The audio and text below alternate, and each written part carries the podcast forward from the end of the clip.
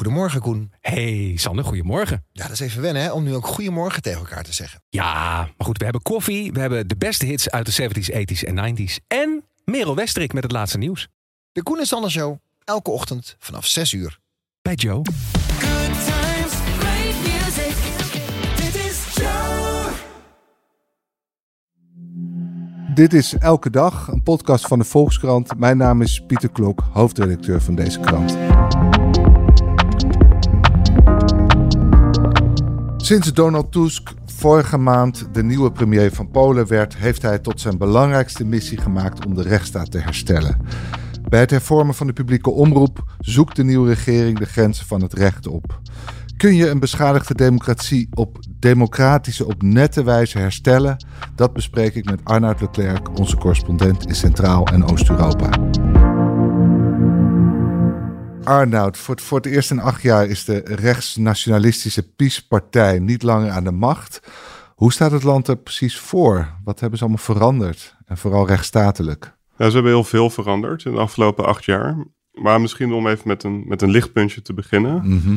Want ja, de democratie is wel springlevend in Polen, kunnen we zien. Eh, bij de verkiezingen afgelopen oktober was de opkomst het hoogst in de afgelopen 30 jaar. Dus eh 74% van de Polen heeft gestemd. Vooral veel jonge Polen hebben gestemd.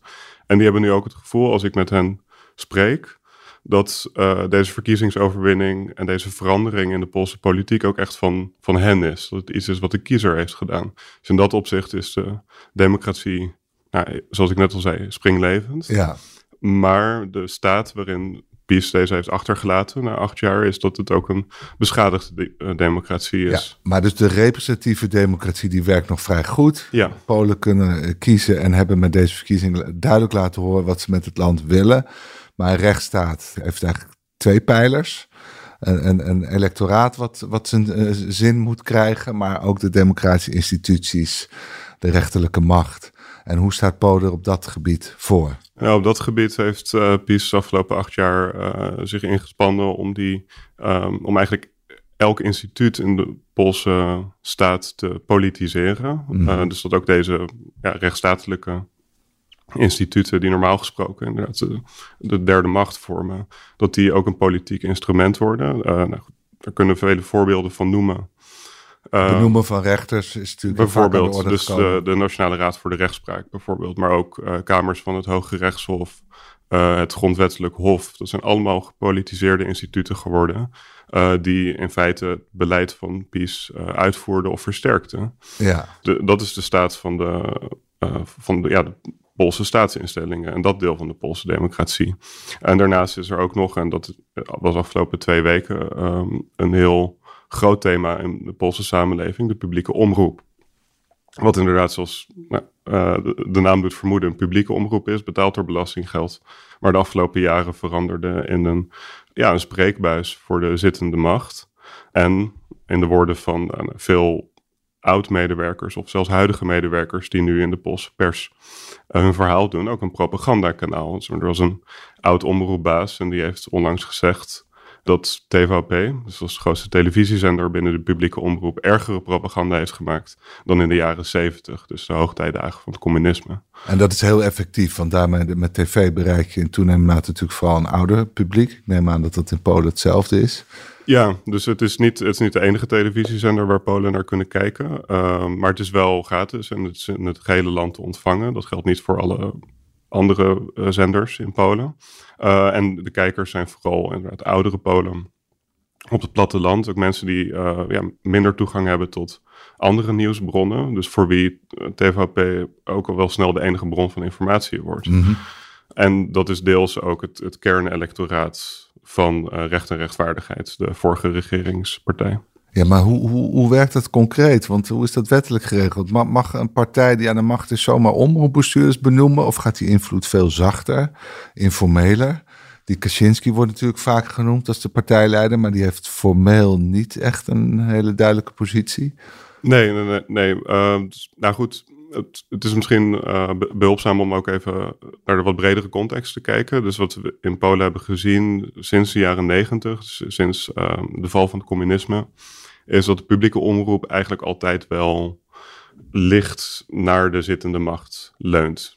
Dat is altijd zo geweest in Polen. Het is volgens ja, sommige deskundigen ook een tekortkoming van de Het zit gewoon in de cultuur omroep. eigenlijk. Ze denken dat dat Ja. hoort. Maar eh, een belangrijk verschil is wel dat eh, voor 2015 was het inderdaad eh, licht, eh, wat je in het Engels eh, soft bias kunt noemen. En het werd ook door PiS gebruikt als rechtvaardiging om het omroepbestel op de schop te, eh, te nemen eh, na 2015.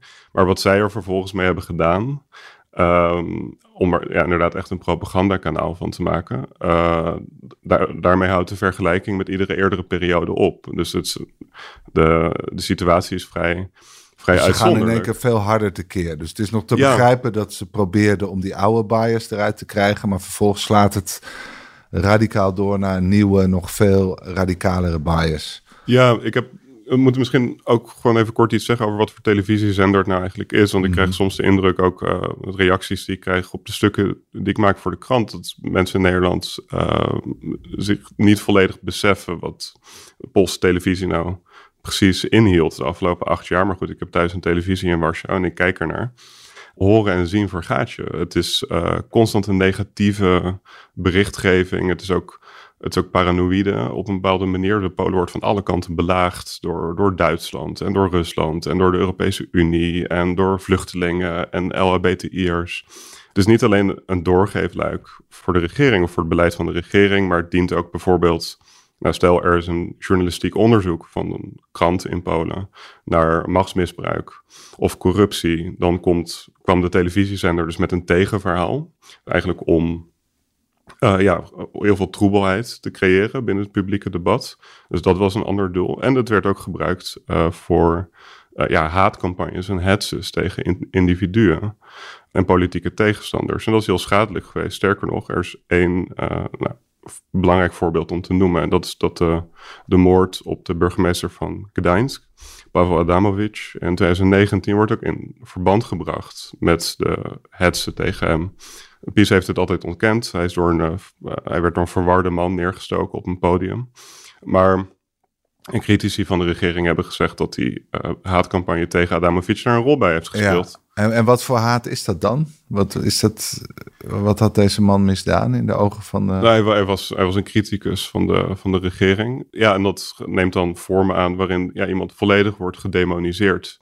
En dan nogmaals, we hebben het hier over een publieke omroep. Het is gewoon alsof het, het, het zou de Poolse NOS of de Poolse BBC moeten zijn. Dus moet je ja. altijd voorstellen dat, dat de NOS uh, met, met drie of vier stukken per dag en een heel item in het acht uur journaal zou komen over iemand die door de Nederlandse regering als een politieke tegenstander ja. wordt gezien. Dat is absurd. Maar er wordt Toch dus het. angst aangewakkerd. Het, het, idee dat Polen van alle kanten bedreigd wordt. Politieke tegenstanders worden zwart gemaakt. En politieke medestanders, als daar publicaties over worden gemaakt, die worden dan verdedigd. Ja. Of dan wordt die publicatie zwart gemaakt. Dat is een beetje... Ja, bijvoorbeeld. En er wordt ook van alles uh, beweerd wat natuurlijk niet waar is. Dus uh, vlak voor de verkiezingen werd gewoon gezegd van ja, als Tusk aan de macht komt, dan uh, wordt Polen overspoeld door migranten. En heb je naast deze berichtgeving, zie je de hele tijd beelden van, van Lampedusa. En je ziet dan ook...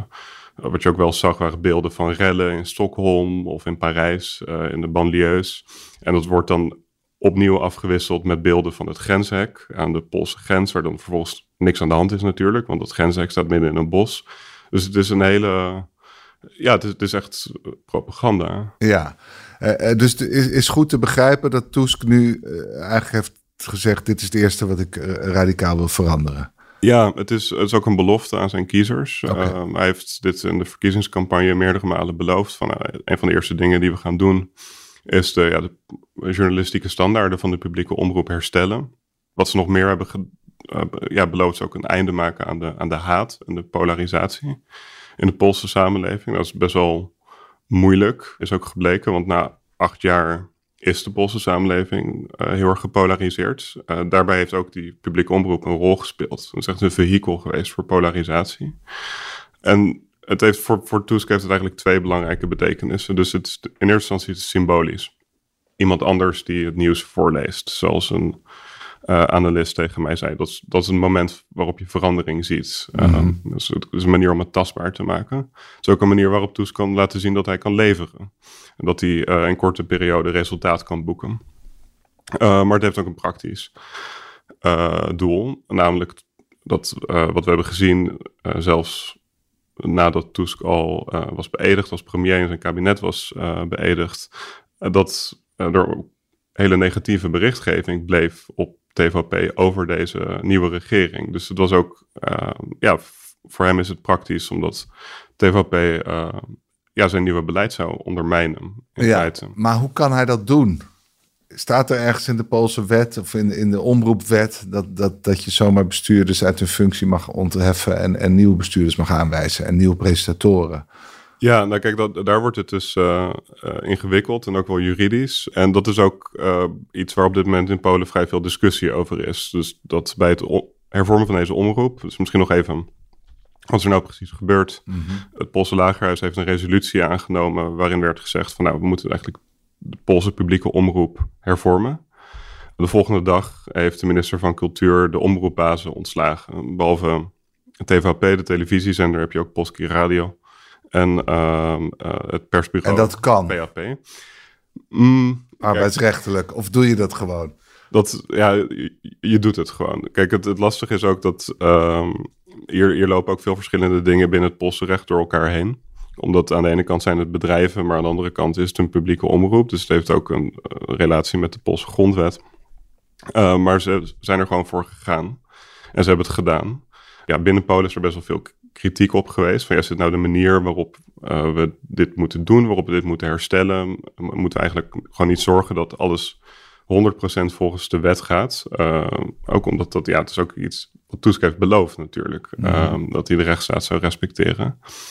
Als die omroepbestuurders hadden gezegd, ja, het is ongetwijfeld te technisch van, eh, je- kan ons helemaal niet ontslaan. Daar ga je helemaal niet over. Want wij zijn een zelfstandige organisatie en eh daar dat, heb- dat hebben ze ook gedaan. Dus eh, er is een hele vreemde situatie ontstaan die tot op zekere hoogte tot op vandaag eh, eh, voortduurt. Eh, namelijk, een deel van die omroepbazen zijn ook in het gebouw gebleven. Die wilden niet weg. Vervolgens heeft een door de vorige regering gecontroleerde mediaraad nieuwe omroepbazen benoemd. Dus er waren opeens...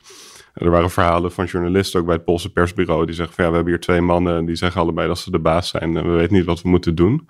Dus er ontstond ook wel volledige verwarring. En wat ook belangrijk is, dat de parlementariërs van recht en rechtvaardigheid, die hebben ook het omroepgebouw bezet. Partijleider Jaroslav Kaczynski heeft oud en nieuw gevierd in het omroepgebouw van TVP. Terwijl al ook eh, nu al een week of twee, of in ieder geval tien dagen, er een nieuw journaal wordt gemaakt in datzelfde gebouw. En dat Want dat, eh, daar zijn ze wel in geslaagd. om een nieuwe geslaagd. presentator gewoon naar voren. Precies, eh, maar ze werken dus in, een, in een deel van het gebouw, maar in een ander deel van het gebouw, daar kunnen ze ook niet bij. Eh, schijnt op dit moment. Dus het is een hele... Het is gewoon een strijd om de macht Ja. in dat omroepgebouw. Precies. Ja, dus Maar nu is het nog allemaal een soort grappig. Maar kan dit ook nog grimmig worden? tot nu toe valt het, valt het mee. Ehm, het is die protesten van, nou, van Peace zijn erg, erg vocaal. Eh, maar er wordt niet eh, ingegrepen door de politie bijvoorbeeld. Ik denk dat de regering van Toester ook heel voorzichtig mee is. Omdat eh, op dit moment eh, ja, positioneren eh, de mensen van Peace zich eigenlijk als een soort martelaars. Ja. Op het moment ja, dat je de ME naar binnen stuurt, ehm, dan wint dat verhaal ook aan kracht. Maar het heeft iets bestorming van het kapitool achter bijna. Dat die aanhang van Pies verkiezingen verloren. En we gaan gewoon, we leggen ons er niet bij neer. Nou ja, de, de- ja, de bestorming van het kapitool zou ik het niet, niet willen noemen. Er zijn ook wel eh, kleine protesten van aanhangers van de vorige regering. Maar die zijn zeer kleinschalig. Die, eh, die zwakken ook behoorlijk af ehm, op, op dit moment. Oké, dus, Dus het er is ook kan wel... op een gegeven moment weer Ja, gaan luwen. Eh, Maar nog even, je zei van nou, eh Pies heeft dus allerlei eh, soort onafhankelijke instituten die een soort pijlers onder de rechtsstaat vormen, gepolitiseerd. Maar doet Tusk nu niet precies hetzelfde? Is dat niet het dilemma? Dus om een einde te maken aan die politisering die Pies heeft doorgevoerd, moet je eigenlijk word je gedwongen om zelf dit soort instituten heel politiek te beschouwen. En dus per instituut een soort politieke strijd aan te gaan. Wat nu begonnen is bij de publieke omroep. Ja dat is inderdaad... eh, ja, dat, dat, is, dat is de hamvraag eh, nu in, in Polen. En dat is ook eh, een vraag die denk ik de komende weken en maanden nog heel erg terug gaat keren. Kun je dat voorkomen? Kan je zeggen, van, we gaan maken er weer onafhankelijke instituten van? Ik denk dat het kan. Ehm, er zijn er eigenlijk, zeg maar binnen Polen heb je, ehm, heb, je, heb je twee scholen. Dus je hebt, je hebt een groep mensen die zegt van ja, dit moet echt volgens de wet en er is geen andere manier dan eerst wetten invoeren en pas daarna beleid gaan uitvoeren. Maar het lastige is, de president, Duda, eh, loyalist van de vorige regering, die kan die wetten vetoen. En dat is één. Maar dan heb je ook bijvoorbeeld dat grondwettelijk hof, dat ik al eerder noemde. Die kunnen ook wetten blokkeren. Of ongrondwettelijk zit, verklaren. daar is nog steeds de PiS eh, aan de macht. Precies, dus het, het is echt een soort Gordiaanse knoop eh, die, die Tusk op dit moment voor, voor zijn neus heeft. En dan is er eigenlijk de andere school binnen Polen van mensen die zeggen van ja, de situatie is zo uitzonderlijk dat we geen andere keuze hebben dan af en toe eh, er gewoon met een gestrekt been in te gaan. Ehm, en dus, ja, eigenlijk deze instituten bevrijden van de vorige politieke invloed om er weer een onafhankelijk instituut van te kunnen maken. Maar goed, dat is inderdaad dat iets, is iets wat ook in de praktijk moet. Maar dat is natuurlijk een heel wezenlijk eh, eh, eh, probleem waar iedereen mee kampt die met populisten te maken heeft. Mag je met gelijke wapens terugstrijden of moet je altijd netjes blijven omdat je anders min of meer hetzelfde doet als zij doen? Ja, ik las ehm, van het weekend eh, een, een essay van een toonaangevende rechtsfilosoof in Polen. En die eh vergeleek het met het repareren van een schip op volle zee. Dus dat is, dat is heel moeilijk. En hij schreef ook van ja, we moeten gewoon wakker worden. We, we zijn niet in Canada, we zijn niet in Zweden. Dus maar dit is Polen. En dus maar de, onze instituties liggen in ruïnes na acht jaar peace. En eh, we moeten we moeten dit herstellen. En dat, dan heb je geen tijd en je hebt ook niet de luxe om je af te vragen van ja, is het allemaal wel 100% wettelijk geregeld? Ja, hij is zelf vrij duidelijk ook over aan welke kant hij staat van dit verhaal. Ehm, wat wel opmerkelijk is, eh, of tenminste wat, ik, wat mijzelf opvalt, is dat toen PiS al deze dingen deed, eh, had je alleen voor- en tegenstanders eh, binnen Polen hiervan. Dus er was kritiek op deze acties van PiS. En er was instemming van hun eigen achterban. En wat je nu ziet in Polen is dat eigenlijk alles wat Tusk doet en wat zijn regering doet, daar bestaat gewoon een hele levendige discussie over. Zowel onder zijn eigen eh, achterban als eh, in de brede eh, Poolse maatschappij. En dat is, ja, vind ik een groot verschil met de afgelopen jaren. Misschien Ja. ook een gezond teken. Maar die twee belangrijke hindernissen die je net noemde, die, de president Duda, hoe lang zit hij er nog? En, en het grondwettelijk hof, kan, hij daar, kan Tusk op een gegeven moment daar ook zijn eigen mensen voor aandragen? Ja, ja Duda zit er tot 2025. Dus dat is, eh, dat is nog wel even. Ehm, ja, Polen heeft nu, ze noemen dat cohabitatie. Dus wanneer je een president hebt van andere politieke kleur dan, eh, dan een regering. Eh, die verloopt tot nu toe uit- buitengewoon moeizaam. Is ook niet echt reden om aan te nemen dat het gaat verbeteren in de nabije toekomst. Kijk, wat, wel, wat we nu hebben gezien met die Poolse publieke omroep. Je kunt daarbij ook dus de vraag stellen van ja, is het eigenlijk hoe het vanaf nu gaat zijn in Polen? Maar is, is inderdaad elk instituut dat eh, door PiS is overgenomen, wordt daar zo'n bittere politieke strijd omgevoerd. En wat je daarbij wel ziet, is dat als het bijvoorbeeld gaat om het hervormen van rechtsstatelijke instituties, dat eh, de regering veel voorzichtiger en veel behoedzamer te werk gaat. Dus dat is niet ehm, het, het blitzkriegachtige tempo dat we hebben gezien bij de publieke omroep, maar Nee. dat gaat inderdaad via, via wetten en procedures. ehm, het is Ja. ook een bijzonder ingewikkeld vraagstuk voor de nieuwe minister van Justitie, ehm, Adam Botnar, eh, die hier ook komende week iets over gaat zeggen. Eh, dus ze gaan bijvoorbeeld de Raad voor de Rechtspraak, daar hebben ze plannen voor. Dus de raad die rechters benoemt. Die is ook gepolitiseerd geraakt in de afgelopen acht jaar. En dat is een heel groot probleem, want dat zijn, het gaat letterlijk over de benoemingen van rechters. En nou, het zijn ongeveer 10.000 rechters in Polen. En deze gepolitiseerde Raad voor de Rechtspraak heeft er ongeveer 4.000 benoemd in de afgelopen jaren. 3 tot 4.000. Eh, de vraag is, wat ga je met die rechters doen? Ja. Ehm, je kunt ze niet je ontslaan. En die 3 tot Moet je ze- 4000 die ja. doen braaf alles wat in de lijn ligt van de regerende partij. Nou dat is ook, dat is ook nog maar de vraag. Kijk, uiteindelijk ehm, het zijn ja, het werk wat rechters doen. Ik bedoel, het gaat ook om kantonrechters. Het gaat om mensen die eh, bijvoorbeeld echtscheidingen, die Ja, daar rechtszaken Dat is lastig om dat politiek te doen. Het is lastig om dat te politiseren. Het gaat er vooral om van ja, wat gebeurt er nou als er een keer een corruptieschandaal is uh, waarbij de regering is betrokken, of als er een handelsconflict is uh, met een staatsbedrijf en een multinational, of met een staatsbedrijf en een kleine ondernemer, of als bijvoorbeeld, en dat hebben we in Polen wel heel veel gezien, als het gaat om uh, toegang tot abortus. Ik heb afgelopen jaar nog, of het jaar daarvoor, een vrouw geïnterviewd die werd vervolgd omdat zij abortuspillen had verstrekt aan, een, aan iemand die ze niet kende, om haar daarmee te helpen. Dat slachtoffer van huiselijk geweld.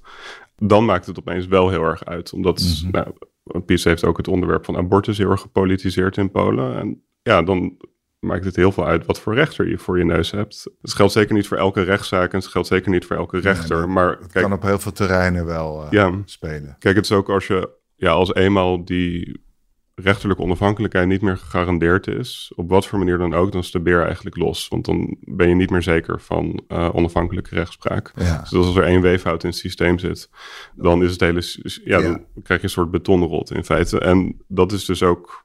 Maar dan kun je nooit meer vertrouwen dat een rechter een soort objectief oordeel velt. Er hoeft maar een heel klein beetje politieke bemoeienis zijn en, en en je kunt het vertrouwen helemaal kwijtraken in zo'n instituut. Ja, je weet het niet zeker. En Ja. het is ook, het is inderdaad ook, eh, ook slecht, voor het, eh, slecht voor het vertrouwen. Hey, is de redenering van Tusk nou van ik moet eerst de strijd om de publieke opinie winnen. Eh, die moet ik blijvend achter me krijgen. En dan kan ik in alle rust al die instituten weer herstellen. Nou, ik denk, denk dat hij zich niet zo druk maakt om de, om de publieke opinie. Ik denk ook in Polen. Iemand zei het laatst heel mooi tegen mij. Hij zegt ja, in Polen hebben we geen electoraat, maar in Polen hebben we stammen. De achterban van Tusk, nou, die eh, gelooft wel in wat hij doet. Je ziet dat nu ook als er opiniepeilingen zijn over wat vind je er nou eigenlijk van wat er gebeurt bij de publieke omroep. eh, dan is het eh, bijna 80, 85 procent van het electoraat van Tusk steunt dit. 75 procent van het electoraat van PiS is daartegen. Dus da- daar, hij heeft zich gewoon bij neergelegd dat Polen uit stammen bestaat. En dat hij vooral zijn eigen stam tevreden moet stellen. Ja, dat nu in eerste instantie. Ehm, ik denk wel, hij heeft meerdere malen gezegd, hij is niet, zeker niet de enige politicus die dat heeft gezegd, voorafgaand aan de verkiezingen, dat hij ook eh, Polen wil, weer met elkaar wil verzoenen. Eh, dat die stammenstrijd is ook heel erg aangewakkerd door de afgelopen acht jaar door die polarisatie. Dat- maar dat wordt ontzettend lastig en dat is ook wat we nu ja, de komende weken, maanden, mogelijk zelfs jaren gaan zien. Dat is ook echt iets voor de lange termijn alles bij elkaar nemend is wel die publieke omroep. Eh, die slag was heel erg belangrijk voor Tusk. Ehm, ook omdat je, ja, je hebt, je moet je voorstellen dat je maakt beleid als regering. En elke avond om half acht eh, wordt dat volledig afgefakkeld. Ja. En eh, wordt ook de polarisatie verder aangewakkerd. Soms denken mensen van ja, het, het gaat alleen maar om. eh, ze zijn bang voor kritische berichtgeving. Maar er is een verschil tussen kritische berichtgeving en gewoon eh, volledig tot de sokken afbranden en demoniseren. En dat is wat, wat TVP deed.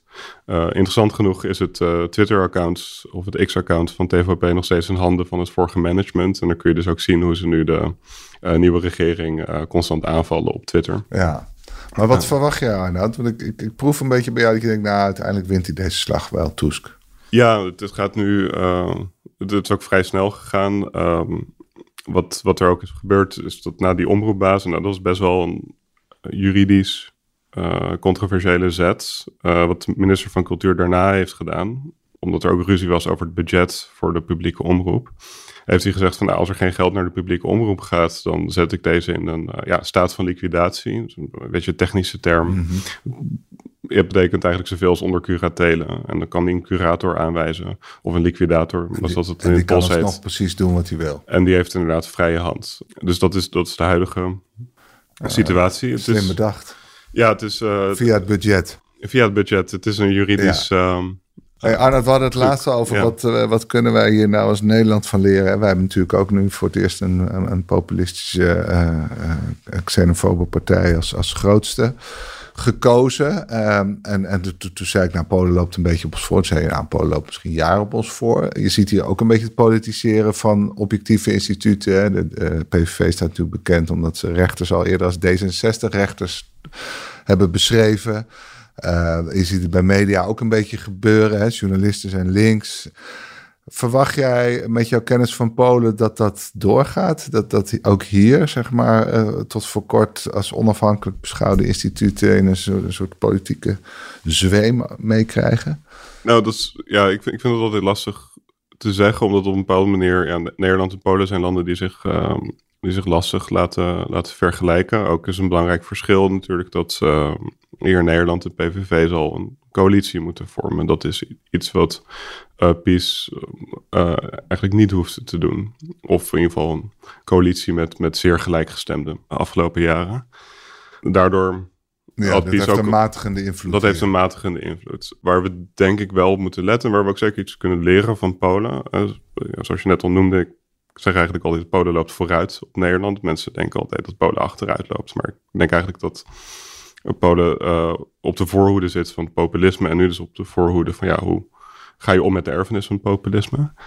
Ja, het maatschappelijk klimaat kan heel snel verzuren en verzieken eigenlijk. En dat is iets wat we in Polen hebben gezien in de afgelopen acht jaar. Eh, polarisatie, die nou, aan de ene kant heel erg werd aangewakkerd door de regering. En dus ook, zoals ik net al noemde, door de publieke omroep. Maar dat werkt dus ook weer polarisering van de andere kant in de hand. Dus daarmee wordt het echt inderdaad eh, eigenlijk een verhaal van twee landen. eh, op een bepaalde manier. En dat eh, ook instituties die ja, niet gepolitiseerd horen te zijn, zoals de rechters en zoals de media, dat wel worden. Ofwel door directe invloed van de regering, eh, zoals we in Polen hebben gezien, maar het kan ook op een veel, veel zachtere manier. En dat is dus inderdaad eh, verdachtmaking vanuit de regering. Vanuit, goed, je noemde het al D66 rechters. Eh, dat is ook iets wat PiS al jaren heeft gedaan. Die heeft gezegd, alle rechters zijn eigenlijk oude communisten, terwijl dat aantoonbaar onjuist is. Ik weet nog, ik ging voor de, vlak voor de Poolse verkiezingen, heb natuurlijk veel over Polen geschreven. Ik ben veel pad geweest in het land ook om met mensen te praten, onder meer over die polarisatie. En wat me opviel als ik met mensen over politiek sprak, was dat eh mensen, mensen waren zo ongelooflijk moe. Ook van die, van die constante eh, negativiteit en, en, en haat en polarisatie. Dat viel me toen heel erg op toen ik op pad was. En nu is dat, om misschien ook terug te komen bij het begin van het gesprek, nu is dat wel iets minder in Polen. Dus in ieder geval bij progressieve Polen en in de steden is er veel opluchting. Eh, merk ik. Die opluchting was aanvankelijk ook best wel voorzichtig. Maar toch, er is een opgelucht gevoel. Ehm, Maar ik ben eigenlijk ook heel benieuwd wat eh, de achterban van PiS hierover denkt. Dus ik ga Ja, of die ook zo opgelucht zijn. komende weken zal ik zeker Maar weer eh, erop uittrekken. Heel Polen snakt naar verzoening. Proef ik toch ook wel. Dat, ja, dat, zou- het zou Nou, mooi zijn. na acht jaar stammenstrijd. Arnoud, mag ik jou heel hartelijk danken voor je heldere uitleg. Ja, dank Pieter.